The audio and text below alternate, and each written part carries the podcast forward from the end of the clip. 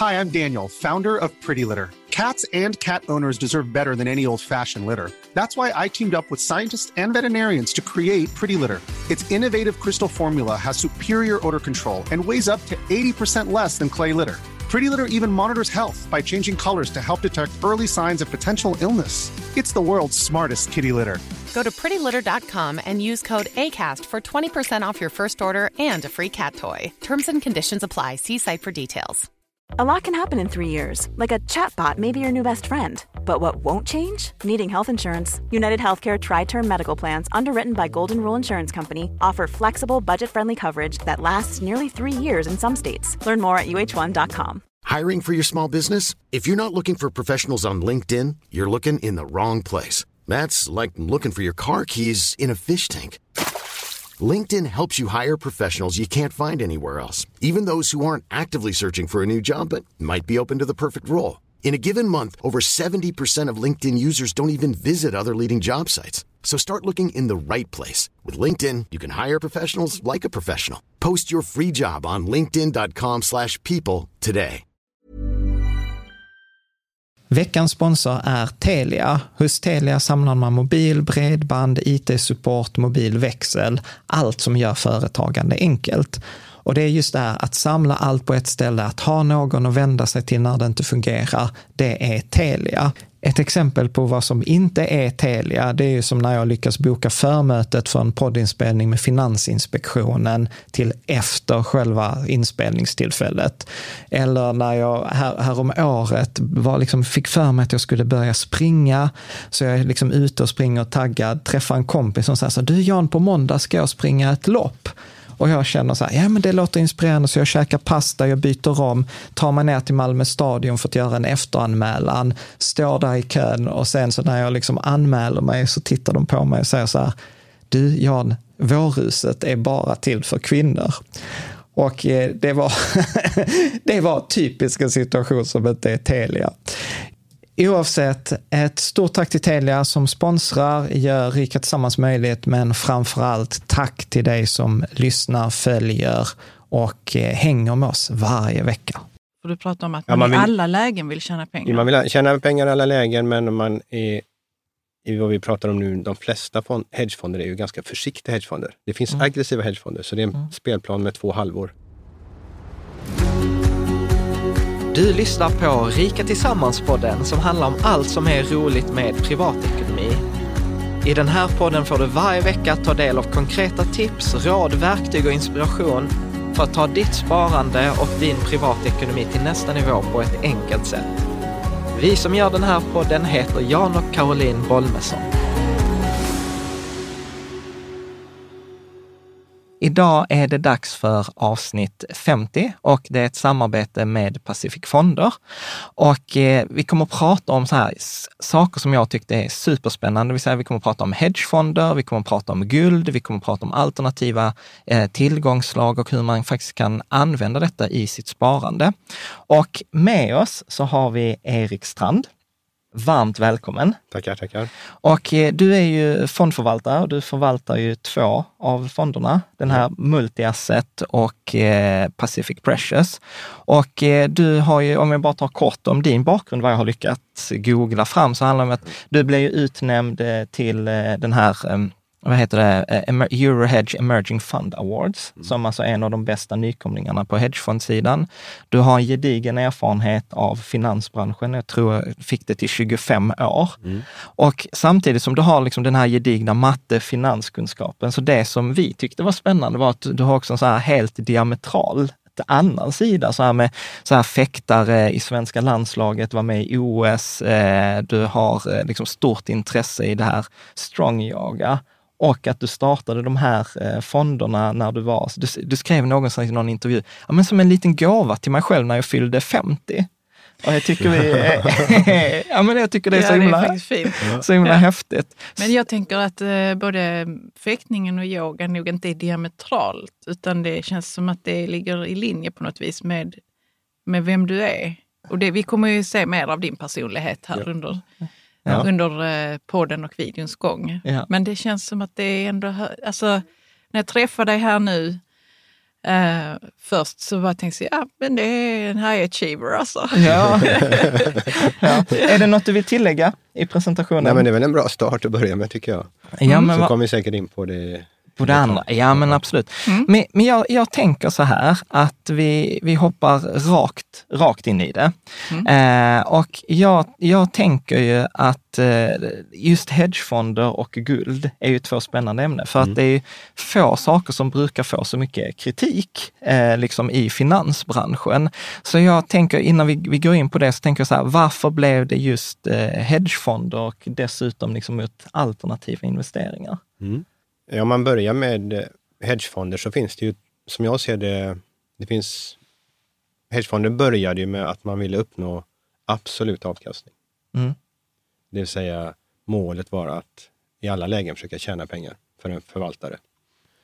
Och det tror jag är ganska viktigt bland eh, investerare överhuvudtaget, att de flesta vet inte skillnaden med relativ förvaltning och absolut avkastande mål. Och hur skulle du beskriva skillnaden? Ja, skillnaden är ju att de som, alltså 90, säkert över 90 procent, 95 procent av alla fonder i Sverige är ju relativ avkastande fonder. Det vill säga att förvaltaren ska vara bättre än sitt jämförelseindex. Och många förvaltare är bättre än sitt index. Många löpsedlar står att de är sämre än sitt index. Eh, någon gång står det att de kan inte vara bättre än index. Eh, så att det betyder ju att om index är minus 20 procent, förvaltaren är minus 17, så har han gjort ett bra jobb enligt sin jobbdefinition. Eh, Men så, det förstår ju inte en sparare. Mm. Minus 17 kan ju inte vara bra. Mm. Eh, Och därför är det ganska viktigt att investerare får upp ögon för absolut avkastande förvaltare, det vill säga förvaltare som hela tiden vill tjäna pengar för investeraren. Det är det viktigaste. Inte vara bättre än index. Mm. Precis, för, för det, där, det där tror jag att man många gånger missar. Att, för, för det där har jag ju pratat om i tio år, liksom så här, men just index och att sannolikheten att eh, en aktiv förvaltare slår sitt index är ganska låg. Alltså det har man gjort mycket studier på. Men jag tror precis som du säger, att just betona den här skillnaden att att slå index betyder att göra minus 15 när, när indexet gör minus 17. Men, eh, så, så, men om du skulle så beskriva en, en hedgefond då? Ja, Vad- vad- för man kommer in, det är ju själva, först är det ju att man vill tjäna pengar. Det är nummer ett i en hedgefond. Och det var så hedgefonder började. Sen blev det ett spår med hedgefonder, att det blev, man var tvungen att ha ett väldigt fritt placeringsreglement. Fonderna blev registrerade på lite okända eller kända öar ute i världen där man kunde ha eh, annan, annan, eh, ja, arbeta på ett annat sätt. Vad då menar du? Ja, det vill säga att eh, de placeringsreglementen som en hedgefond behövde förr i tiden eh, var tvungna att vara fria och eh, de här finansiella centren satte upp väldigt bra villkor för hedgefonder att verka på Bermudas och Caymanöarna. Och där ligger de stora gamla hedgefonderna. Eh, och det var bra på den tiden.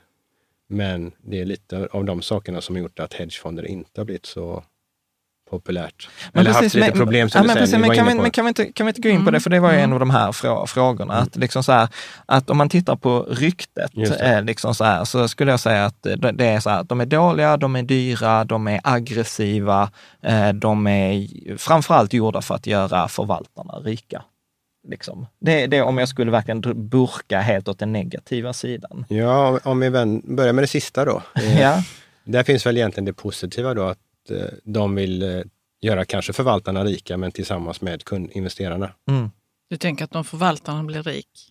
Ja, för, för att de är oftast då tillsatta med en performance fee, alltså en, en eh, prestationsbaserad avgift som, som nummer ett. Det vill säga att målet, eh, man har samma mål som investeraren. Det vill säga att eh, grunden är att det är där man tjänar pengar som förvaltare. Precis, Så det är en bra grund. Men sen finns det fortfarande i de gamla hedgefonderna, som vi har då rådit bot på, Mm. som jag vill säga. Eh, Men det kan jag förklara lite längre fram här. Men precis, men, men var, varför Så det är ett bra man- argument eh, egentligen. Absolut. Alltså, och, och, och grejen är, jag, jag, har, jag, jag kan ju komma med min personliga Ja. åsikt sen, Ja. men, men eh, det är också så här, jag tänker, jag tänker innan vi går vidare, så här, varför heter det hedgefond? Ja, hedgefond, ja, det är en bra, bra fråga. Hedge är ju engelska och eh, hedge betyder häck. Mm. Och en häck ska ju skydda i en trädgård. Mm. Och det är just man vill skydda kapitalet. Men är det i upp och nedgång då?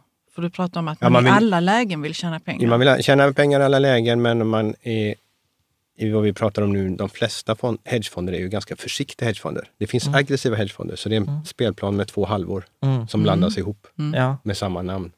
Men kan du, inte, kan du inte ge en kort intro då? Alltså på de här två spelplanerna. Ja, eh, I och med att för att kunna tjäna pengar i nedgång Mm. så är man tvungen att ha ett annat eh, placeringsreglemente som vi var inne på förut.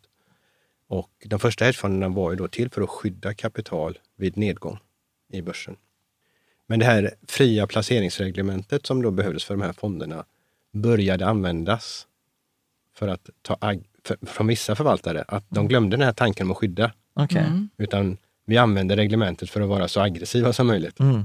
Så att Så- det gick egentligen, tanken från början var att det skulle vara så här lågrisk, eh, Ja, liksom att, skydd. att skydda kapitalet. Och, och sen någonstans längs vägen så var det vissa som sa så här, ah, men gud vi kan använda detta för att maximera Just det. avkastningen. Ja, och då eh, fick du två helt olika eh, sorters fonder under samma namn som har skapat väldigt stor eh, oreda i vad är en hedgefond. mm, Men jag tycker det här reglementet känns så diffust på något vis.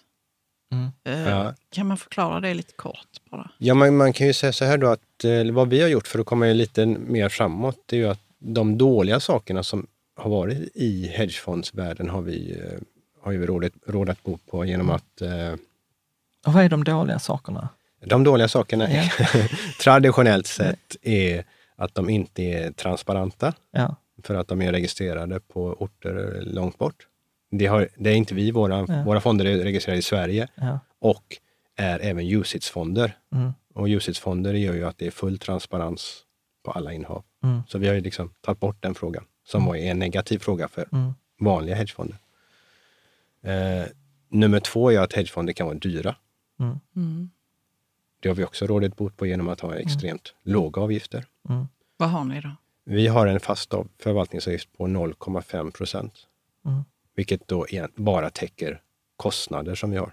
Det ger oss ingen intäkt. Och sen har vi då en rörlig avgift på 15 procent Mm. när vi tjänar pengar. Men jag tänker, jag tänker att Och, det... och det tredje, jag ska bara Mm, säga den ja. tredje, att eh, likviditet.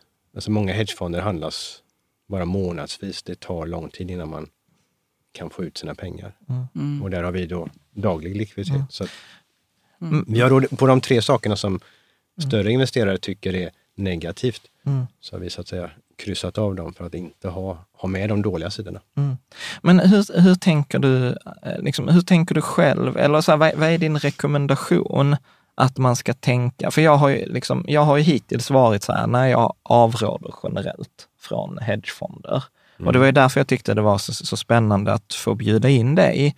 För, för, att, för att min grundläggande åsikt är så här att om det är någon som har en annan åsikt än en själv, då ska man ofta lyssna.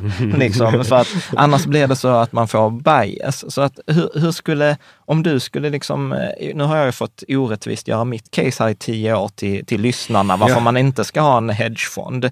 Varför tycker du att man ska ha en hedgefond i sin portfölj?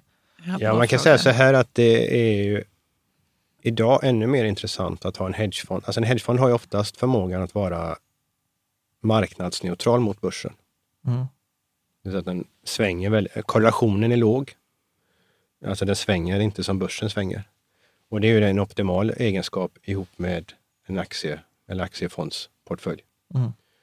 Eh, Och tar man idag när den klassiska portföljen har varit aktier och räntor. Mm. Men den fungerar inte längre. Alltså problemet är, ja aktier kan fungera men vi har varit i en uppåtgående aktiemarknad i Tio år. Ja, näst längsta genom historien. Mm. Eh, som är ganska övervärderad. Man har tryckt in väldigt mycket pengar och likviditet i marknaden. Den kan fortsätta men någonstans så vänder det.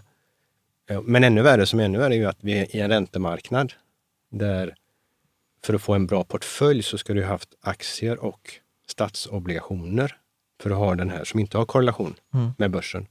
Men statsobligationer ger ju en negativ avkastning. Mm. Eh, och då har man då bytt ut statsobligationer mot obligationsfonder. Mm. Och obligationsfonder är ju då företagsobligationer som förvaltarna då väldigt mycket nu har drivit upp till high yield, alltså skräpobligationer, för att få maximal avkastning på räntesidan. Problemet med det är att eh, företagsobligationer eller high yield eh, har en korrelation som är väldigt hög med börsen. Mm. Så nu sitter väldigt många investerare med en portfölj som kommer allt, när om börsen går ner så kommer även deras räntedel förlora mycket värde. Mm. Och då har de egentligen ingen portfölj. Mm. Och då kommer istället, alltså istället för att ha obligationsfonder i en portfölj så hade jag ju valt att ha marknadsneutrala fonder. Så du, du säger för till exempel caset som, som, som jag har gjort, eller liksom som, som jag har rekommenderat läsa, det är ju att, att ha en klassisk 60-40 portfölj. Eller en, och vill man vara aggressiv, ja men dra upp det till kanske en 90-10. Eh, Alltså det klassiska liksom konservativa. eller- 90 procent aktier 90 och procent 10 aktier, procent- ränte och obligationsfonder. Mm. Eh, så hur, hur, hur skulle, så här, om du hade läst bloggen kritiskt och du hade sett så här, att, men titta här, han rekommenderar en eh, ja, men 60-40 portfölj som är, är egentligen mer eller mindre, aktiedelen är, är marknadsviktad, alltså global cap. Och räntedelen är typ eh, ja, 20 procent korta obligationer, alltså typ Spiltan räntefond, alltså svenska korta 12 månaders. Och sen kanske långa i form av typ eh, AMF räntefond lång, alltså typ de här sju år, de? sju, ungefär mellan fem och sju år. Mm. Hur, hur skulle du liksom med din erfarenhet säga så här, mm, här hade du lite otur när du tänkte? Måste jag vara så snäll? Nej, jag, Du var så snäll. jag bara, detta blir spännande. Se om det blir någon fortsättning på podden efter det här. Nej, jag bara skojar. ja. Kör. Nej, men eh, alltså jag har väldigt svårt att se att räntesidan, att ha långa ränt, alltså räntepositioner ger någonting. Och i de korta positionerna så ger de ändå ingenting. Eh, så att jag hade ju snarare haft i så fall 50% aktier och 50% marknadsneutrala fonder. Mm. Och marknadsneutrala fonder är egentligen kanske ett nytt namn på hedgefond. Hedgefonder. Ja. Okej. Men eh, hur, eh, så, så låt, oss, låt oss titta på det här. Så hur, hur ser en, om du skulle prata med, med en liksom, lyssnare, hur, hur ser processen ut för att välja ut de här marknadsneutrala fonderna? Hur, hur, hur gör man det liksom? Vad tittar du på? Om du inte fick köpa din egen fond, hur skulle du liksom gjort då? Nej, där kan man väl då säga att eh, just de här tre strukturen, det vill säga att eh, är det en modern hedgefond som är UCITS, eh, det gör att den kan inte göra alla saker som är och som man inte heller kanske ska göra med olika hävstång och, och, och derivat och, och knepiga saker. Utan är den UCITS så är den mycket mer, då är den fullt reglerad som alla andra fonder och eh, då har man liksom den tryggheten. Är den dagligt handlad, då vet man att man kan köpa och, och sälja. Eh, Är det inga investeringsköp eller säljavgifter, man, vet- alltså det kostar inget att köpa, man kan gå och sälja två veckor senare om man inte tyckte det var kul. Mm. Och att kostnadsstrukturen är, är vettig. Mm. Det är de tre Men, men hur, när, jag kan ju uppleva till exempel så här, när, jag tittar på, på hedgefonder, för att jag har inte alltid varit negativ till, till hedgefonder, utan jag, alltså för många år sedan älskade jag Stellanova, jag har haft eh, Lynx eh, som är väl, Ja, jag minns att du pratade om. Ja, jag vet inte, det är väl Och sen Bru- bara försvann de. Ja, sen vis. bara försvann de. Det är väl Br- Brummer, tror jag, som har Lynx. Eh, och sen så vet jag själv att du i någon intervju eller i någon eh, skrev både om aktieansvar, kvanthedge och trendhedge och de här. Alltså, jag, jag kan ju uppleva att även jag som är insatt, att det är väldigt svårt att förstå vad det är det jag köper Mm. i, i de här när jag ska titta på en, eh, på en Ja, Jag tänkte hedgefond. precis fråga, så är det någonting för den vanliga spararen? Liksom? Ja, det, är, ju- det är en svår fråga att säga. För Det känns, frågan, är, det fråga, känns frågan är, väldigt komplext detta. Ja, fast frågan är ju om inte alla fonder, är, eller allting är komplext egentligen. Alltså förstår. Det är väldigt svårt att säga vad, när man förstår någonting. Alltså, Nej, jag alltså när, man köper, det. när man köper en vanlig aktiefond, det är inte heller så lätt att säga att man förstår egentligen vad, vad, men, men, vad som säg- görs. men, men, men säg så här, alltså det är, jag- jag- Men det blir svårare, ja absolut. Men så här, om, om, jag, om jag ska vara lite tuff så tänker Ja. jag så här, köper jag en global fond så fattar jag ändå så här att jag kommer få liksom 60 procent i USA, jag kommer få 20 procent i Europa och det kommer vara de största bolagen som är på de största indexen, mer eller mindre. Skönt om du säger nu, du, Jan, du har missförstått hela grejen. Nej men eh, alltså så här, det är ändå så här, eh, sunt, för, sunt förnuft. Och vi kommer att prata till exempel om din multi-asset-fond som jag tycker är superspännande. Eh, Men, men säg att jag tittar på en sån här eh, random hedgefond och eh, liksom hur, liksom så här, hur djupt behöver jag, för, för, för, för en grundregel är så här, förstå vad du köper. Hur, hur Mm. djupt behöver jag gå för att kunna analysera en, en hedgefond? Ja, det kommer ju, I slutändan så handlar det ju om att eh, man gillar fondens arbetssätt. Och det blir, i slutändan är det en förtroendefråga för förvaltaren. Alltså hed- i hedgefondsvärlden, så, och det blev ju också så att de absolut bästa förvaltarna i världen blev ju hedgefondsförvaltare. För det är liksom, där är fokuset på förvaltaren så mycket större. Det är inte bara en, eh, även om vissa fondförvaltare, bolag är stora även på hedgefondssidan, så är det liksom fokuset på förvaltaren är så mycket större. Eh, Och, och det gör att alla är på tårna. Alltså på ett helt annat sätt så är alla på tårna. Och det är där, eh, så det blir en förtroendefråga. Och de, och de vad, lyckas. vad menar du med att fokus är på förvaltaren och varför är det så? Um, Ja, därför att eh, det krävs mycket mer beslut av förvaltaren. Alltså en, en, en, eh, man måste ju ha mer rätt än fel. Man måste våga ha fel.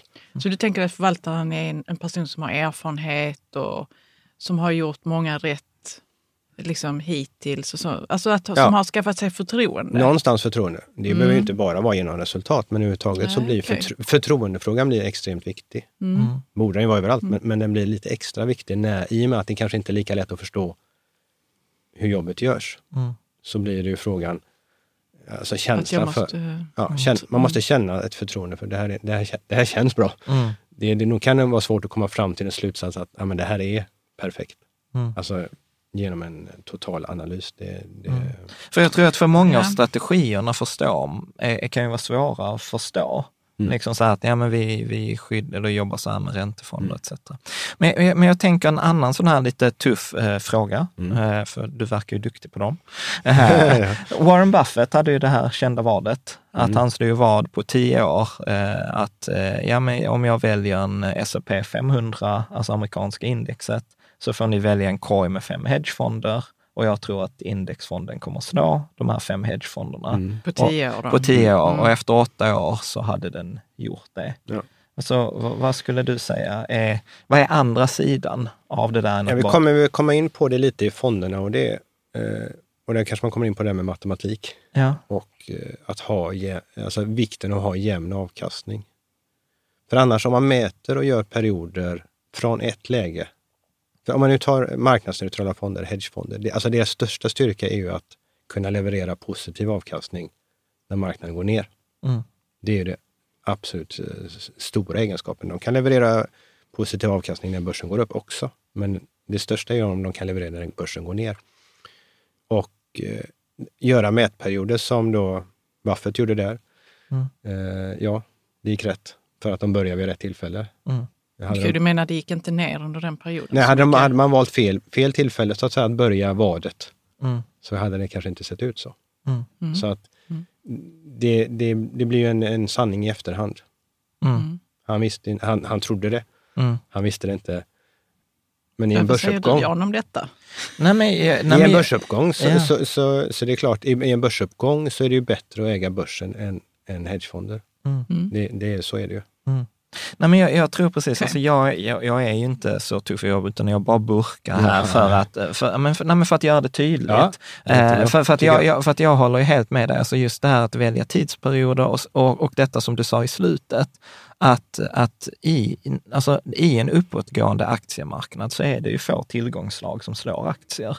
Men, gre, men grejen är ju så här, Buffett sa ju också så här, den första regeln när det gäller att investera är att inte förlora pengar. Mm. Och regel nummer två är, glöm, inte, glöm aldrig regel nummer ett. Nej. Och, och jag själv gillar ju liksom så här, jag har ju själv börjat snegla på hedgefonder eh, också. Och, och om vi ska vara helt ärliga, Rika Tillsammans-portföljen som var den som vi började med, Mm. det är ju egentligen en, en variant på permanentportföljen Mm. eh, som, man, som vissa skulle absolut påstå är en hedgefond eller på Ray Ja, Dalios eh, all weather portfolio. Så att eh, tanken på, på, på det sättet är ju inte, är ju inte ny. Och precis som du säger, några av de bästa förvaltarna, så Ray Dalio är ju hedgefondsförvaltare eh, förvaltare och den fonden har ju gått, gått jättebra. Liksom. Och, och jag tror, du sa ju också det att du hade en bakgrund med att ha jobbat med eh, alltså, fina, alltså rådgivning, mm. där du jobbade med klienter och deras pengar. Och där kom, jag tror, det får du gärna här säga din åsikt, men jag tror att när man börjar sitt sparande så, så är det så här, hur kan jag få max avkastning? Hur kan jag öka mitt kapital? Men när man har kommit upp en del på den resan så är man inte så intresserad längre av att öka kapitalet, utan snarare bevara kapitalet. Mm. Och då blir det kanske mer intressant med den här typen av fonder, den här mer strategier där man minst fokuserar egentligen mer på risken än på avkastningen. Mm. Vad, vad, säger, ja. vad säger ja, du? men eh, absolut så är det ju. Alltså att, eh, när, man, när man har kapitalet så är det ju... Eh, då är vill man inte förlora. Nej, men då är, då, då är man nöjd om man har 5% eller 10 mm. 8 procent mm. avkastning per år. Ja. Då är man inte, alltså man, skulle man då vara ute efter 30-40 procent, mm. ja, men då är ju nedsidan lika mycket. Ja, ja. Nej, men precis. Och eh, risken med nedsidan är ju att det är väldigt tufft. Mm och ta igen yeah. en förlust. Och på samma sätt, jag bruk, när jag var, för länge sedan när jag var rådgivare runt pengar, så, så brukar jag se det som att alltså den risk man måste ta hänsyn till, hur ser min kommande cashflow in? Mm. Det vill säga att eh, på ett annat sätt, när man, sen när man blir äldre, man går, närmar sig pension, eh, att då få en, en nedgång Mm. Det är väldigt svårt, för, alltså för man har inga nya intäkter som kommer och mm. det är mm. svårt att köpa. Mm. Och då måste man minska risken. Alltså för mm. att man ska minska risken när man blir ja. Det är samma sak, men det behöver inte ha med ålder att göra. Nej. Det kan ju ha med vad man har för jobb eller man har sålt sitt företag. Alltså man måste hela tiden se, vad, eh, är jag väldigt som jag brukar säga, jag brukar säga vi kommer ha en börskrasch och den kommer vara... Jag tänkte precis fråga, större. när kommer den? Ja, ja. Det, precis. Tror du? Det, det, ja, vi har väl eh, max två år på oss. Max, max ja. två år, men troligen tidigare. Eh, och den kommer att vara eh, både större och kraftigare än vad vi vill tro och det vill ingen höra.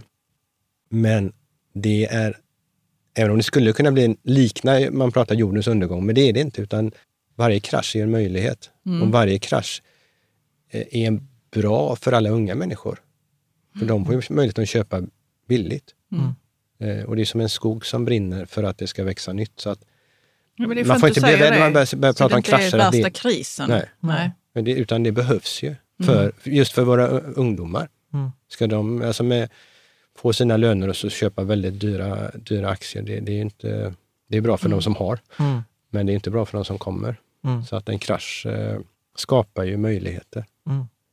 Precis, precis. Jag tänker, jag, tänk, jag tänker att vi ska... Åh, det är så mycket spännande. Mm. Jag, jag, tänker att vi ska börja runda av just den här hedgefonden, för ja. vi ska ju prata om guld och massa andra. Ja. Är det någon så här missuppfattning du upplever? Så här vanligaste missuppfattningen kring hedgefonder? Det, det, är som sagt, det är svårt för vissa missuppfattningar är ju sanna uppfattningar också. Så att, mm. eh, det om man generaliserar, det är då mm. det blir problem. Mm. Alltså att man ser alla hedgefonder som samma sort istället för mm. de här två spelplanerna. Mm om man generaliserar över om de som är usage-reglerade eller de mm. som ligger på Bermuda, Cayman Island. Alltså, mm. Börjar man generalisera, förenkla, mm. då blir det... Ja, men det är som alltid. Börjar man generalisera så är man på väg liksom åt fel håll. Ja. Men du pratade bara om, om förtroendet för förvaltaren, att det är väldigt viktigt. Har du själv eh, liksom haft någon sån där förebild inom hedgefondvärlden? Som du har känt så, den där är en riktigt duktig förvaltare. Det finns ett par amerikanska förvaltare som jag verkligen tycker är, mm. har, har en coolhet och en vass hjärna och, och, en syn. De har ju... De måste ju oftast ha en lite bredare eller annorlunda syn.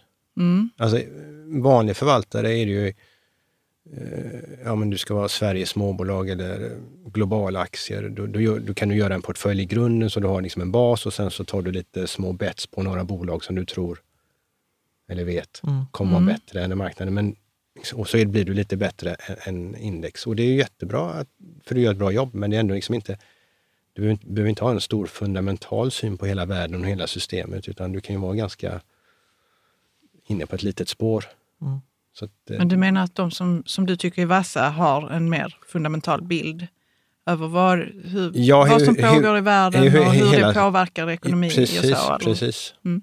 Men apropå det här med, med strategier, mm. kan inte du bara liksom så här, hur, hur tänker du själv kring hedgefonds? Du, du driver ju dessutom inte bara en utan två. två. Men, men om vi börjar med den här multi, asset. Eh, så, så, när jag läste på här så bestod den av lite olika delar, så som liksom, jag tror du kallade det för millennial, eh, liksom de här nya teknologierna. Det bestod av reala tillgångar, räntor etc. Mm. Kan du inte ge en så här introduktion? Ja, tanken med fonden är helt enkelt att skapa en, en stabil avkastning. Mm. Det är en ganska försiktig fond. Vi siktar bara på den riskfria räntan som är noll, plus 5 procent. Mm. Så målet är egentligen bara 5 procents avkastning. Eh, så det är en relativt försiktig fond på det sättet. Mm. Och eh, stabiliteten, vi vill, vad vi där vill ha, det är att vi vill ha så lite volatilitet, alltså så lite svängningar som möjligt i fonden. Och det ska jag komma in på varför det är så viktigt. Eh, med, med, antingen på fondnivå eller på portföljnivå. Som, mm. som ni jobbar så är det på mm. portföljnivå, men för mig, ja, eftersom jag har fonden, så mm. får jag se på fondnivå då. Att, vad är värdet av att ha, så, så att ha lite svängningar, utan ha en stabil kurva, svagt uppåt. Eh, för att uppnå det så, så, finns det olika tillgångslag att eh, ta till och lite olika strategier. Och det är de här sex olika strategierna i eh, fonden och eh, där, den kommer ju vara, ja, ni känner er ganska bekväma med den för att egentligen så har jag eh, samma grund som tänker ni. Alltså det är Harry Browns permanent portfolio mm. i botten i min tanke. Eh, sen är det ju som du som var inne på, Ray Dalios All Weather Fund som kom senare. Eh, men sen har jag velat göra det lite, lite bättre än vad de har gjort. Mm. Fast... Ja men såklart, man ska ju inte, ja. ah, men jag ska göra något som de gör, fast sämre. Eh, och då är det ju som sagt eh, att det är reglerade, transparenta fonder. Mm. Det som är viktigt också med mina fonder är ju att eh, vi har ett avkastningsfokus i SEK, i kronor. Mm. För annars om man köper andra fonder så vet man ju inte, alltså om det är en internationell fond, mm. de vill ju lyckas så bra som möjligt. Men deras mål är ju hur fonden går i dollar eller euro där de sitter. Mm. mm.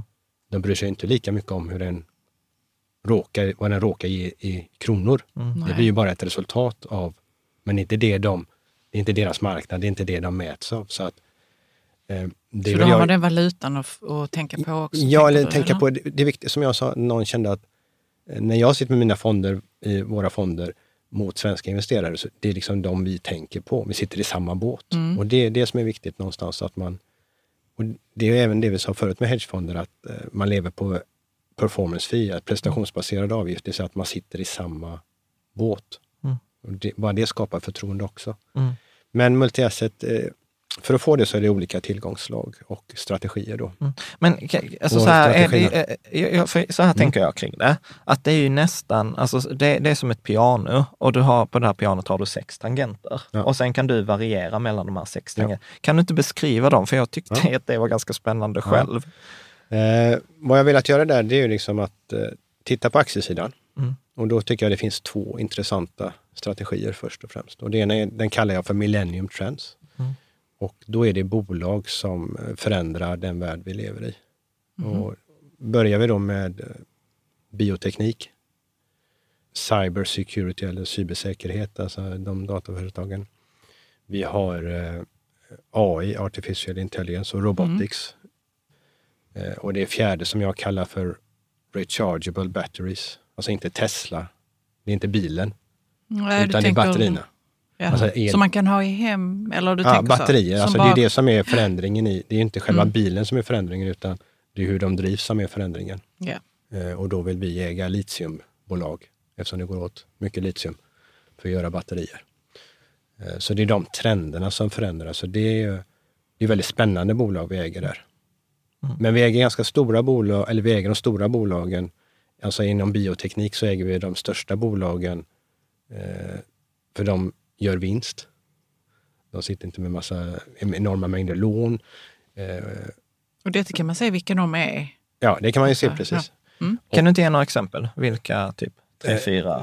Ja, du ser det ju på, du kan, du ser ja. det på Morningstar och allihop. Du kan gå in och se på fonderna. Så att, eh, Men om du skulle säga det, så vilka, vilka, är, någonstans, vilka är favoriterna? Ja, men det, favoriter är, handlar inte om att ha favoriter. Mm. Man får inte bli kär i sina innehav. Okej, okay, ja, men det är bra. Så att det, det, är väldigt viktigt. Men det som är viktigt med... Det här är ju momentumaktier. Det här är ju aktier som går bra. Men det jag ville säga egentligen var att vi äger de större bolagen eh, inom även bioteknik och cybersecurity. För jag vill inte ha eh, icke-likvida. Så vi, vi tar inte risk och köper små bioteknikbolag. Okej, vi avstår att få 300 procents avkastning, så det är inte så att då, det finns ju inom de sektorerna så finns ju bolag som kan vara ännu hetare, som kan bli ännu mer avkastning, men då tar man risken att de är, eh, ja, går åt andra hållet. Mm. Eller att de inte är lika så att säga, lätta att handla. För oss är det väldigt viktigt med likviditet. För när man har en fond så är det viktigt att kunna sälja snabbt. Att köpa är alltid lätt, Mm. men att kunna sälja snabbt.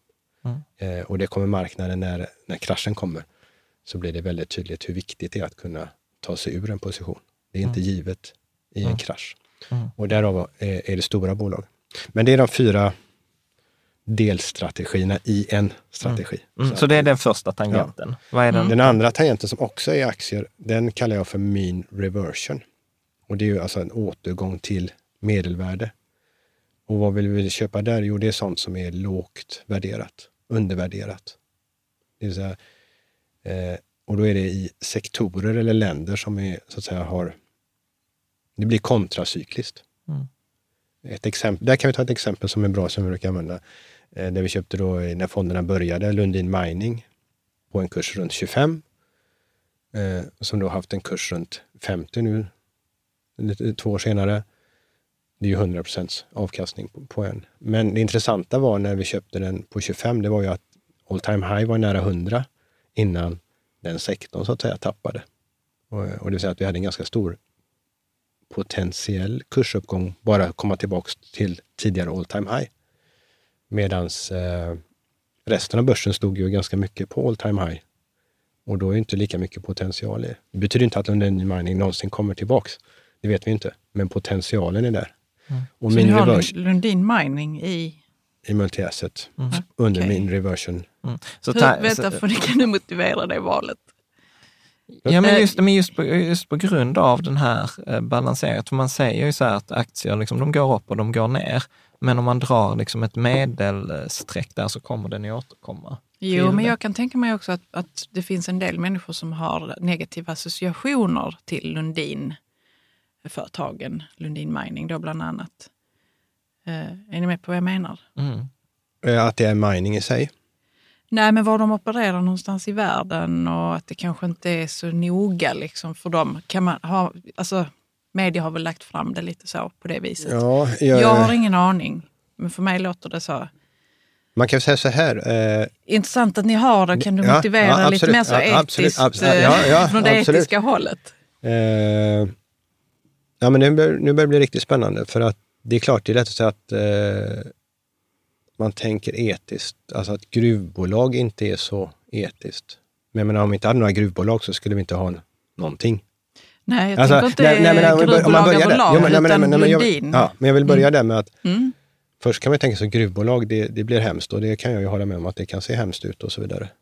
Men om vi, om vi liksom var så etiska att vi ska inte gräva i jorden, då har vi inte en, en telefon, inte, vi har inte ett hus, vi kan inte bygga någonting om vi inte har gruvbolag. Så att man måste ju någonstans, man kan inte bara vara ja, vi, totalt, ja, vi ska göra allting rätt. För, eller ja, allting Nej, rätt är ju att inte, alltså någonstans med. där så blir det, det, Det så det blir ju väldigt intressant. Precis en gräns för vad vi kan Sen göra. när man tar Lundin eh, så kan man säga så här att ja, deras...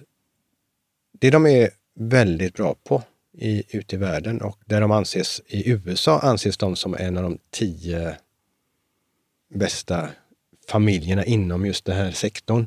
Alltså Lundin, det är ett namn som är väldigt aktat i USA eller hela världen i mining, i gruvdrift, hur skickliga de är. Så att de, de är väldigt kända, kanske mer positivt kända utomlands. än- än i Förmodligen Sverige. än i Sverige. Eh, Men deras expertis är just att kunna verka i ganska svåra områden. Vad tänker du svårare då? Ja, där det är politiskt är svårt. Ja. Det är lite mer länder som är lite mer... eh, Som du tänker i ja, norm- Afrika kanske? ja, någonstans? Normalt sett eh, i, i andra fonden och så vidare så undviker jag, det är egentligen för mig ur fondens perspektiv, fondernas perspektiv så gillar jag att undvika sådana bolag. Även om jag äger Lundin Mining. Men mi- mining är inte så nischat som några av de andra bolagen. Eh, för jag vill ha, i- som i Pacific Precious, den andra fonden, så vill jag ha bolagen hellre i Kanada och USA och Mexiko, alltså länder som är lite stabilare än i de länder där Lundin agerar. Men det som är positivt med Lundin också är ju att familjen äger så mycket i sina egna bolag. Det gillar jag. Ja, men det, det handlar ju Alltså att precis detta om att sitta, att sitta i samma, samma båt, eh, tänker jag. Det är väldigt positivt med Lundinbolagen. Mm. Och deras expertis och skicklighet. Så, att, då, då är, och det, så att detta är aktiedelen. Om vi ska ta Ja, det är mindre, precis. Ja, där, är det, ju- mindre- där är det ju länder som har... Ibland har vi länder som har gått ner, alltså Grekland eller eh, Brasilien. Är Sådana ger möjligheter, för de har gått ner. För det var det som du var inne på, att Mm. i mean reversion så betyder det att saker oftast går ner mer än vad de ska göra. Mm. Och de går upp mer än vad de ska Ja, göra. Och, och då blir det liksom att det rör sig alltid uppåt för Mm. mycket och det rör sig neråt för mycket. Och det skapar möjligheter för förvaltaren eller för investeraren. Snyggt, så då är det, är det två. Det är två. Mm. Tre. Tredje är då, eh, blir också aktier fast fokus på reala tillgångar. Mm. Det vill säga att vi äger eh, fastighetsbolag, skogsbolag, bolag som håller på med vatten, infrastruktur, jordbruk. Mm. Så det är bara bolag som, som äger någonting. Mm. Så vi vill inte ha bolag som bara jobbar med ekonomi eller vill jobba med, med, med någonting, andra tjänster eller så vidare. Och Utan, i utan, alla- utan, utan de ska äga någonting där under. Liksom. Ja, det, och det är gärna då skog eller fastigheter eller infrastruktur. Mm. Mm. Och de sista tre? Eh, sen har vi ett ben som då är ju egentligen bara guld. Det ska vi prata Plain. mer. Ja, det ska vi Mycket prata mer enkelt, om. ja, vi har en hel fond för Mm. det sen. Ja. Eh, det femte benet, där går vi kort aktiemarknaden. Okej. Så vi går kort olika länder eller, eller sektorer. Kan du säga Ja, någonting vad, precis, vad ja. kort är för de Ja. som inte är med? Eh, ja, eh, enklast är ju så att här, man, man får en om, tvärtomrörelse. Man tjänar på när börsen går ner. Mm. Och det gör vi. Där jag var väldigt, eh, jobbade väldigt mycket med ETFer som har blivit populärt nu, men som jag jobbade väldigt mycket med och var expert runt ETF-biten och gjorde förut en fonder, två fonder som bara investerade i ETFer. Men idag använder jag bara ETFer för att gå kort. Mm. Eh, För det är väldigt bra, när man går kort så är det bra att gå kort ett helt index istället för att gå kort en enskild aktie. För det finns en risk att en, om, en, ak- om man går fel och går kort en, en enskild aktie och den och går upp Mm. hur mycket som helst, då blir man hur, hur mycket som helst. Precis, fattig hur mycket som helst. Ja, medan går man kort ett index så, så får man den bredden. Mm. Så att det har blivit väldigt bra med ETF, för att man kan gå kort via ETF. Men eh, är det det här med att blanka eller? Ja. Ja, fast då får man, när man gör Att go- man på går man via en. ETF så, så, så slipper man så att säga göra det via enskilda bolag och ha en enskild handling, utan då, då löser den det så att säga. Så det blir lite enklare att gå kort. Mm. Eh, och sen eh, är det ett ränteben. Men det var du ju lite kritisk mot innan. Ja, eh, därför är vi, har vi varit... Vi har ett ränteben som är flexibelt, så jag kan gå kort Mm. långa räntor. Okej. Mm. Vad, vad händer då? Är det Ja. som minus minus tar du ut varandra? Eller? Nej, det blir så att när om långa räntor går upp, stiger Ja. sakta nu, Ja. då kommer obligationsfonder Att förlora, tappa i värde. Det är det vi brukar prata om, att Men- när, när räntan går upp så går en räntefond ner. Det verkar så Ja, ologiskt. det är fortfarande ologiskt och, Ja. och konstigt för mig. Ja, så men vi detta- kan ta det sen. Ja. ja, men vi det, kanske det, kan det, ta... kommer, det kommer allmänheten snart lära sig. Ja. Men kan du inte Ja. ge, men kan du inte ge en så här kort eh, då, för, förklaring så här, eh, för, liksom, för någon som aldrig har hört detta förut? Hur, hur skulle du förklara? Hur skulle du förklara detta att när räntan går upp, att räntefonder går ner? Ja, de, gam, de gamla ligger ju så att säga med, med låga räntor inlåsta och när det kommer högre räntor så blir det intresset att äga de Och var gamla. kommer de höga räntorna från? De kommer från, är det från staten då eller att de höjer? Eh, Ja, tyvärr, tyvärr, tyvärr så var det ju förr i tiden var det ju så att eh, centralbankerna styrde den korta Mm. räntan och marknaden styrde den långa räntan. Okej. Men eh, centralbankerna har ju tagit över Båda två. båda två. Mm. Och eh, man har ju då även... Förr jobbade ju centralbankerna som så att man sa ingenting och sen helt plötsligt så sa man någonting. Mm. Och då var det det den fick dagen. man rätta sig efter det. Ja. Men nu sen krisen då som var så har man börjat, på engelska säger de forward guidance, alltså de ska prata om hur, De kommer att göra. hur de kommer att göra så att det ska bli en mjuk resa. Ja. Och det har ju Riksbanken också gjort. Mm. Och det intressanta när man tittar på just vad Riksbanken har sagt, och tittar på de kurvorna, så nu har jag inte det exakt, jag har inte några papper eller bilder framför mig, men om man backar de här åren och så ser på räntekurvorna de har förutspått.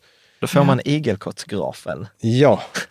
Det och ja, är tänkt att det ska, man har pratat om en kurva och det ska varit upp och det ska varit upp, men det har aldrig inträffat. Ja. Eh, Aldrig Nej, inträffat nej, och okej. aldrig inträffat. Ja. Och man har pratat om de räntehöjningarna uppåt. Ja. Och istället har man gjort, eh, man har pratat om 25 olika räntehöjningar, men det har blivit 11 räntesänkningar på den resan. Och det, Ja. ja, det är en väldigt eh, intressant graf att titta på. Ja. Och det mest intressanta egentligen är att marknaden fortfarande Lita på dem litar på det som sägs. Ja. Fast man har sagt fel i 25 gånger. i rad. Ja.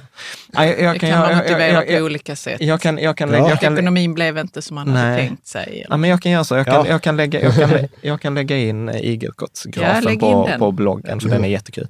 Nej, men, men jag tänker, om jag gör ett försök eh, på att förklara detta, eh, så, så, så tänker jag så här, alltså, om jag i en räntefond så är det så att man lånar ut pengar till någon. Och då har vi kommit överens om att jag lånar ut mina pengar till dig på en ränta. En, med, Ja, på en, en fix, viss- på en viss period, fix ja. ränta. Ja. Mm.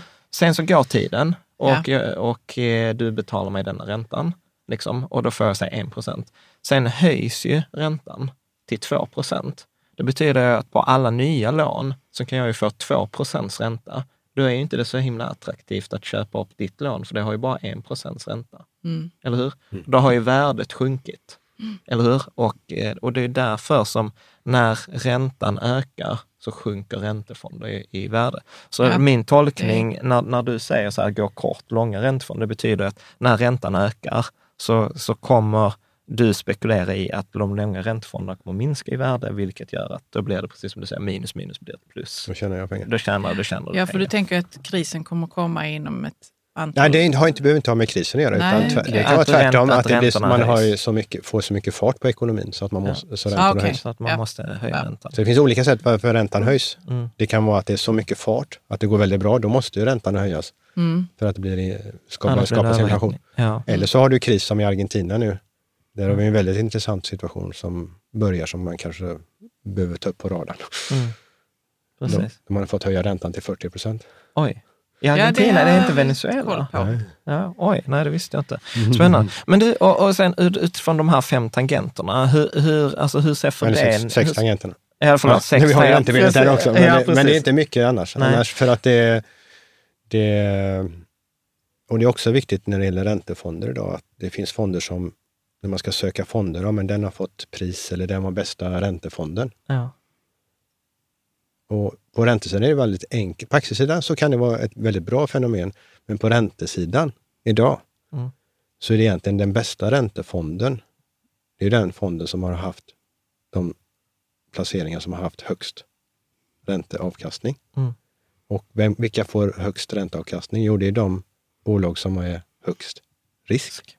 För an- det är ju, räntorna stäms ju av risken. Mm. Så det vill säga att den fonderna, de som toppar listan över bästa räntefonder, Är de som har de sämsta De som har ta- bolagen. ja, de som har tagit högst risk. Ja, Så det- frågan är hur bra det är att äga Mm. och hur bra är det att titta i backspegeln på deras resultat. Mm. Det är, vad är det man Är det säger? När, när, vattnet kris, när krisen kommer kommer man se vem som har simmat naken. Eller vad är det man brukar säga? När vattnet åker tillbaka får man se vem som står Ja, men det, det är lite farligt just, det, just att man får betyg som att man är bästa fond, men man är Ja. den som har tagit mest risk. Mm, Men det var- det Eller betyder- mest skit i Ja. portföljen. Ja, liksom. Ja. Mm. Men så här, hur, är, hur är fördelningen mellan de här sex tangenterna? Liksom?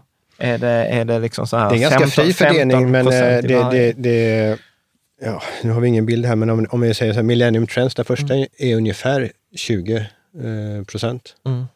Eh, mean reversion, den strategin där, den är lite mindre på säg 10 procent. Nu är det plus, nu säger jag bara för att hitta en... eh, Ja, ja, men som... Och reala tillgångar då, de aktierna som ägde i skog och vatten, Mm. 20 procent. Mm. Eh, guld 20 procent. Mm. Eh, och sen är vi kort ungefär 10-15 procent.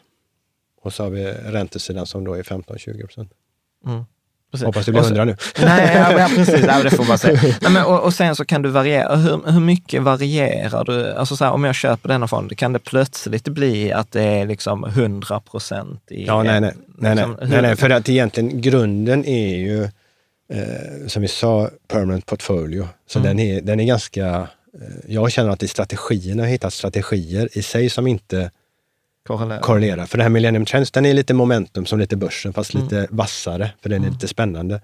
Min reversion, det är ju undervärderade bolag Mm. eh, som är kontracykliskt. Så de, de, om börsen skulle krascha där, Mm. de kommer ju tappa, men den, min reversion, de är ju redan lågt värderade, så de har inte lika mycket fallhöjd på det sättet. Mm. Och aktierna är reala tillgångar, kanske blir intressanta när alla blir lite defensiva. Mm. Och guld också. Så att, nej, det, det, jag ser inte framför mig att eh, Mm. det rör sig om att guld kanske går från 20 till 25 procent. Ja. Mm. Eh, Vi ska komma in på guld, men får jag bara fråga, Mm. kan man alltså äga fonder i vatten? Eh, vattenbolag Vattenbolag? som jobbar med Ja. vattenrengöring. Ja, Mm. så på det viset. Ja, alltså där All right. vatten är en viktig, rå, alltså där vatten är en viktig en resurs, råvara, ja. Ja, resurs och råvara. Mm. För, för, så, här, hur stor, om, säg, säg att jag eh, köper den här fonden. Mm. Hur stor är sannolikheten att, jag fattar att detta är omöjligt att svara på, men jag försöker ändå. Men så här, att den skulle göra liksom så här, minus eh, 20 procent. Alltså du säger så här att vi ska vara på stats plus, plus 5 procent. Vad är, vad är så här worst, alltså säg att det verkligen skulle skita sig, vi har en så här svart svan. Vad, är- vad, är, liksom, vad är risken jag köper i den här fonden? Ja, ti- tittar vi på eh, vad, vad våra fondadministratörer gör, det är ju att de, de backtestar alla så att säga krascher som har varit Mm. eh, och ser vad hade fonden gjort under de förutsättningarna och så vidare. Nu har jag inte siffrorna framför mig, men, men då landar vi på plus i alla de situationerna. Mm. Så det måste vara någon, någon ny situation som aldrig har inträffat på något Mm. sätt. Men eh, eh, Men det är så här, det, det, det, det ska vara liksom osannolikt att, att denna ska kunna backa med liksom en, någon större procentandel. Vå- Vågar du säga så här, när det är så här, "Men denna kommer inte med 90 procent, så här, kommer inte backa med mer än max 5 eller 10 procent? Alltså, vad- för vi vet ju att eh, ett vanligt index kan ju backa med 60 procent utan problem. Mm. Vad, vad är liksom eh, nedsidan? Förstår du vad jag är ute efter lite? Ja, absolut, absolut. Eh, Jag bara tänker på eh, vad som kan finnas för att det, är så, det som är så lurigt som du är inne lite på med statistik. Mm. Nu brukar det användas åt andra hållet, men ibland så säger man att saker har varit så, så, gått upp så och så mycket, men då har man ju tänkt att det var inflation under den Mm. tiden Ja, som ja, egentligen var givet. Jag försöker se om det finns någon parameter åt andra Ja, hållet som skulle kunna som gör att, eh, att en fond går dåligt. Men, men det att finns ju inte. Ja, men för mig handlar det inte om att få ett rätt svar, utan för mig är det, för, för så här, alltså jag gillar ju till exempel, eh, jag gör ju mycket Monte Carlo-simulationer och liksom så här räknar på drawdowns och, etc. och då, då, då brukar jag ju säga så att min, eh, de flesta, jag brukar säga att de flesta sparare har alldeles för mycket risk i sina portföljer och de flesta, jag brukar säga att den genomsnittliga 40-åringen har inte varit med om IT-bubblan, den genomsnittliga 30-åringen har inte upplevt ens finanskrisen. Så de är inte medvetna Nej. om att, att, eller känslomässigt medvetna om, så som, som jag berättade innan, att jag har förlorat mina pengar två gånger. Jag har varit med om att min portfölj stod på minus 62 procent och jag, jag loggade inte in på mitt Avanza på ett och ett halvt år. För det var bara så att jag mådde dåligt. Och jag menar så här att om jag eh, köper din fond, då skulle jag bli sjukt besviken om jag loggar in och den står på minus 62 procent. Jag gissar att du hade, varit, hade haft Ja, vi vissa sitter i samma åsikter. Ja. Vi sitter i samma båt. Även om börsen går ner nedgångar. 70 procent så hade vi sitter i samma båt. Så att, det, Alltså, det, för så- det, kan, alltså, det, får, det får ju inte hända. och Kan, alltså, Jag vet inte om man kan säga att det inte kan hända. Nej. Men Nej, alltså- men det fattar vi. Vi ska ju inte ha, Men- det går men- inte att nej. säga med 100 Nej, procent. men alltså det ligger i hela, och det är det som ligger i hela fondens konstruktion och sätt att jobba.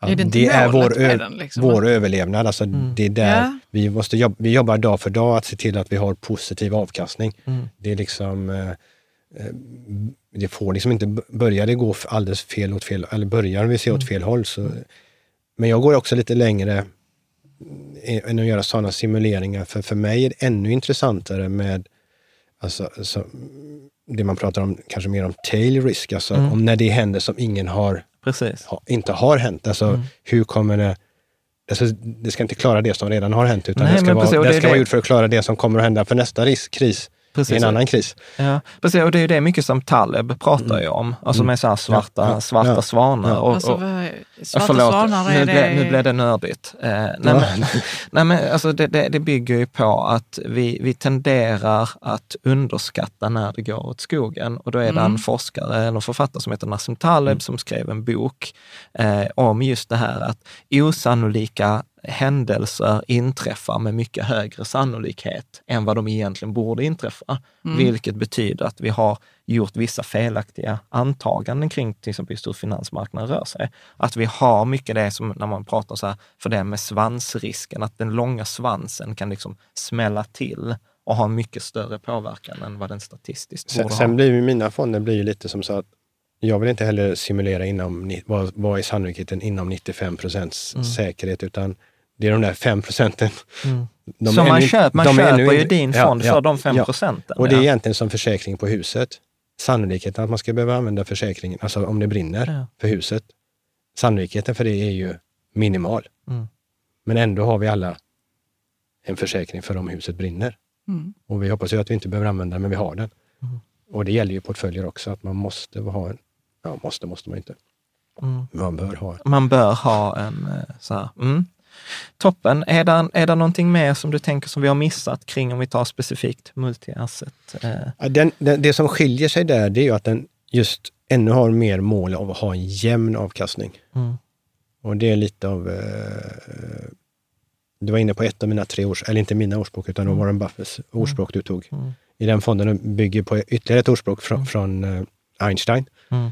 Albert Einstein, som är ränta på ränta, effekten av ränta på ränta, eh, som ett eh, världens åttonde underverk. Mm. Eh, och det, det ser man ju i alla grafer hur, hur, hur positivt det är. Mm. Översätter man ränta på ränta till, i vår värld, av börsen, Mm. eller avkastning på avkastning då, då får det en dimension till som är väldigt viktig. Och det, då blir det lite matematik, man pratar om arith- arithmetic, och, eller aritmetiskt genomvärde och eh, geometriskt. Mm. Precis, för, för att där, du hade ett citat som så här, höga aritmetiska värden optimerar avkastningen och skyddar samtidigt Murphys lag vid insättning och uttag. Ja. Det är precis så. Var det, var det Ja. rätt citerat? Ja, och, och, då, och då ett enkelt ett, ett grundexempel är att om man över tio år har 100 procent, om man adderar alla tio års avkastningar till 100 procent, så är den optimala kurvan att ha 10 procent varje år. Alltså i slutresultatet. Medan har man plus 20, 0, plus 20, 0, plus 20, 0, en ojämn kurva, så får man ett sämre slutresultat. Så det gäller att ha, och det kan man ju ta också så här att, en, ta lite kraftigare exempel, om man har plus 50 och sen minus 50. Ena exemplet. Och sen har någon som har, nu säger vi 0, 0. Mm. Det är de två serierna. Då är det ge- geometriskt så är båda samma. Mm. Båda är noll om man lä- lägger ihop dem. Mm. Men resultatet, där har man kvar sina pengar. Mm. Men i andra fallet, så har man, man förlorat. då har man då från 100 fått 50 procents avkastning till 150 och sen har man förlorat 50, då har man 75. Då är man minus 25 procent. Mm. Det vill säga att geometriskt har de samma medelvärde, men inte aritmetriskt. Mm. Och därför gäller det att ha ju jämnare och finare kurvor man kan ha. Och det är därför det är så dyrt att förlora pengar. För det, det kostar så mycket. Och det är inget problem när börsen bara går upp. Mm. Nej, nej, Men nej. har man då upplevt lite nedgångar, Mm. då, då lär man sig det. Det där är väl kanske bara ett sätt att matematiskt. Precis, men det är ju som Caroline i förra avsnittet eh, så pratade vi om det här U-shaped glide path, det här med eh, uttagsstrategierna och att man vill ju minska risken för att ett enskilt år i början av ens sparandekarriär kan ju ha oproportionerligt stor eh, påverkan. Och jag tror att det är många som inte tänker på det som, som du är inne på, just det där med skillnaden på det aritmetiska och, och det geometriska. Ja, och, och ett annat som jag, jag brukar använda där som jag Mm. tycker är lite roligt, det är ju Murphys law. Ah, ah, Om okej. någonting kan gå snett så går det Så snett. går det snett, ja. Och det är ju så, när man vill ta ut pengarna, när man behöver, man vill köpa någonting, huset är nya, Mm. det är just då börsen har, Rasat. Ja. och det är det man vill undvika. Mm. Så ska jag vilja säga att det är, undvik Murphys law Mm. Genom att ha jämn avkastning. Bra. Är, är det något eh, du vill tillägga kring den här eh, multi-asset? Eh? Jo, eller är det något du vill tillägga kring multi-asset-fonden? Något vi har missat? Nej, jag tror vi har kommit igenom det mesta. Ja, toppen. Mm. Bra, och, och, om du skulle, så, så du som ändå är inne i, i branschen, eh, och, och, om man skulle liksom vilja titta på några andra sådana här eh, hedgefonder, eh, liksom vilka, vilka tycker du är så här, de här är också duktiga eller de här kompletterar eller liksom har du några sådana? Inga. Jo. Nej, men det finns ju jättemånga duktiga förvaltare. Mm. Absolut. Mm. Eh, Det är svårt, jag ska inte säga namn på andra förvaltare, om de, vilka som är bättre än de andra, men eh, Mm. det är väl bara att söka, tycker Ja. jag. Men det viktiga är att hitta strategi, att, att eh, de uppfyller de här kriterierna. Mm. Det är absolut. Vilka var nu kriterierna? Att, eh, att prisbilden är okej, att Mm. de är usage, så att, så att man vet att de är transparenta Man kan se vad som finns Ja. I att de- ja. själva fonden. och att de är dagligt handlade. Ja. Och, och hur, hur- ska man tänka så här mellan tummen och pekfingret? Vad är en bra prissättning? Mm. För För det där brukar jag ju prata om att fondavgifterna är ju skitviktiga. Ja, eh, först får man börja titta på att det inte är en fond i fond, för då blir blir det ju lite lurigt, för då kan det stå 0% men Mm. det betyder ju att det är de underliggande fonderna, så där Mm. blir det lite rörigt direkt. Medan är det en direkt, vanlig direktfond, Mm. då ser man ju priserna. Mm. Från, förut tog ju hedgefonder 2% i fast avgift och 20% i rörlig avgift. Och det var ju de sådär Mm. 220, 220. Mm. Eh, och nu har det ju, i moderna tider så har ju alla avgifter kommit Mm. ner. Mm. Så att eh, nu är det väl 1% i fast Mm. avgift och 20% i performance fee. Mm. Eh, vi har gått lite längre då Mm. och dragit ner det till en halv procent och 15% i performance fee. Och då är det performance fee ligger på om ni slår de här eh, statsobligationerna med Vi- 5 procent? Nej, utan vi har, eh, vi har ett tröskelvärde. Så Mm. vår definition är att tjäna pengar. Så när vi slår våra, våra egna all time highs, Mm. Då tar vi ut Mm. performance fee. Så att vi sitter i samma båt som investerare. Så att Mm. vi tjänar bara pengar. Mm. Då har investerarna tjänat pengar. Bra. Har du dina egna pengar i fonden? Ja. Mm. Alla? Eh, inte alla i en fond. Mm. Jag har ju två fonder, så jag Mm. har delat upp det. Sen har jag lite annat också, lite direkta innehav också. Mm. Men eh, i Direkt princip, innehav i aktier då alltså? Eller? ja, och i silver. Ja, okej. Bra. Sen har jag någon försäkring där inte mina fonder finns. Då får jag Ja, ja, äga lite annat. Ja. Eh, men det, det tänker jag att vi ska prata lite mer om. Jag känner mig så här, och, om, eh, och, och, om man skulle prata med någon eh, där ute, vad skulle de säga så här? Ja, men Eriks fond, han, den är bra, men... Vad skulle, vad skulle de säga så här om man vänder på det? Alltså i dagsläget, vi, om vi lider om någonting så är det ju att vi snart är vi ju tre år. Mm. Många uppfattar ju tre år som väldigt viktigt. Mm. Eh, och det finns ju ett värde av att en fond är tre år. Det finns lite mer historik. Mhm. Mm. Eh, sen vet inte jag, ibland man, man kan vända på den Hur saken. kan ni lida av det? Nej, för det finns de som säger att vi, vi större investerare säger att vi, vi, vi tittar inte på fonder som inte har tre års historik. Det, är- Ja, det är en regel vi har. okej. Nå, ibland får, alltså individuella investerare kan ju alltid göra som de vill. Mm. Medan vissa institutionella eller försäkringsplattformar och så vidare, vi tittar inte på fonden för den är tre år gammal. Mm. Punkt. Och då, då lider man av det.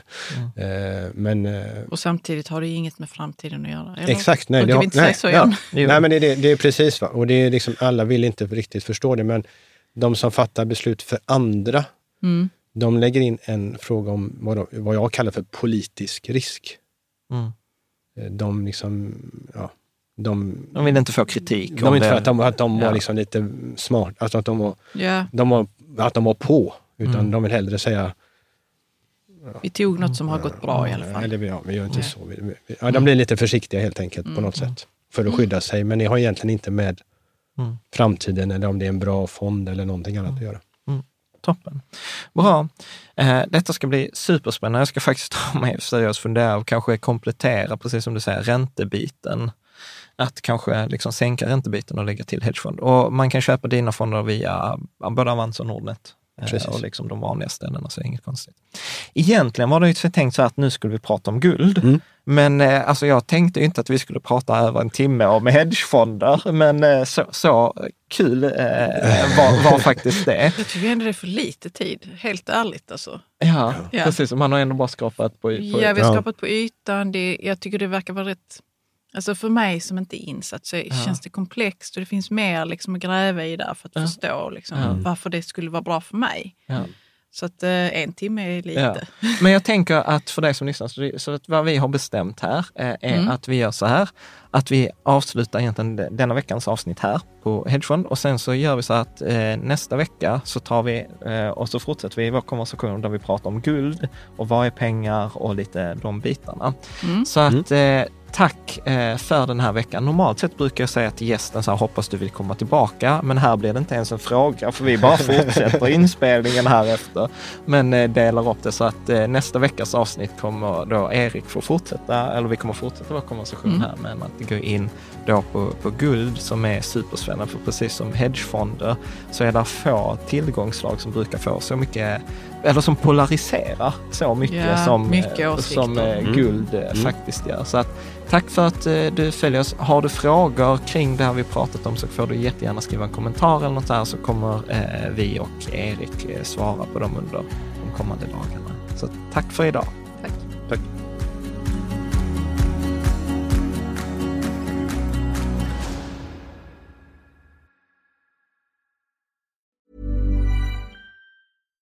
When you make decisions for your company, you look for the no-brainers. And if you have a lot of mailing to do, stamps.com is the ultimate no-brainer. It streamlines your processes to make your business more efficient, which makes you less busy. Mail checks, invoices, legal documents, and everything you need to keep your business running with stamps.com. Seamlessly connect with every major marketplace and shopping cart Schedule package pickups and see your cheapest and fastest shipping options from different carriers. With rates up to 89% off USPS and UPS rates. And with the Stamps.com mobile app, you can take care of mailing and shipping wherever you are. Make the same no brainer decision as over 1 million other businesses with Stamps.com. Sign up with Code PROGRAM for a four week trial, plus free postage and a free digital scale. No long term commitments or contracts. That's stamps.com. Code program.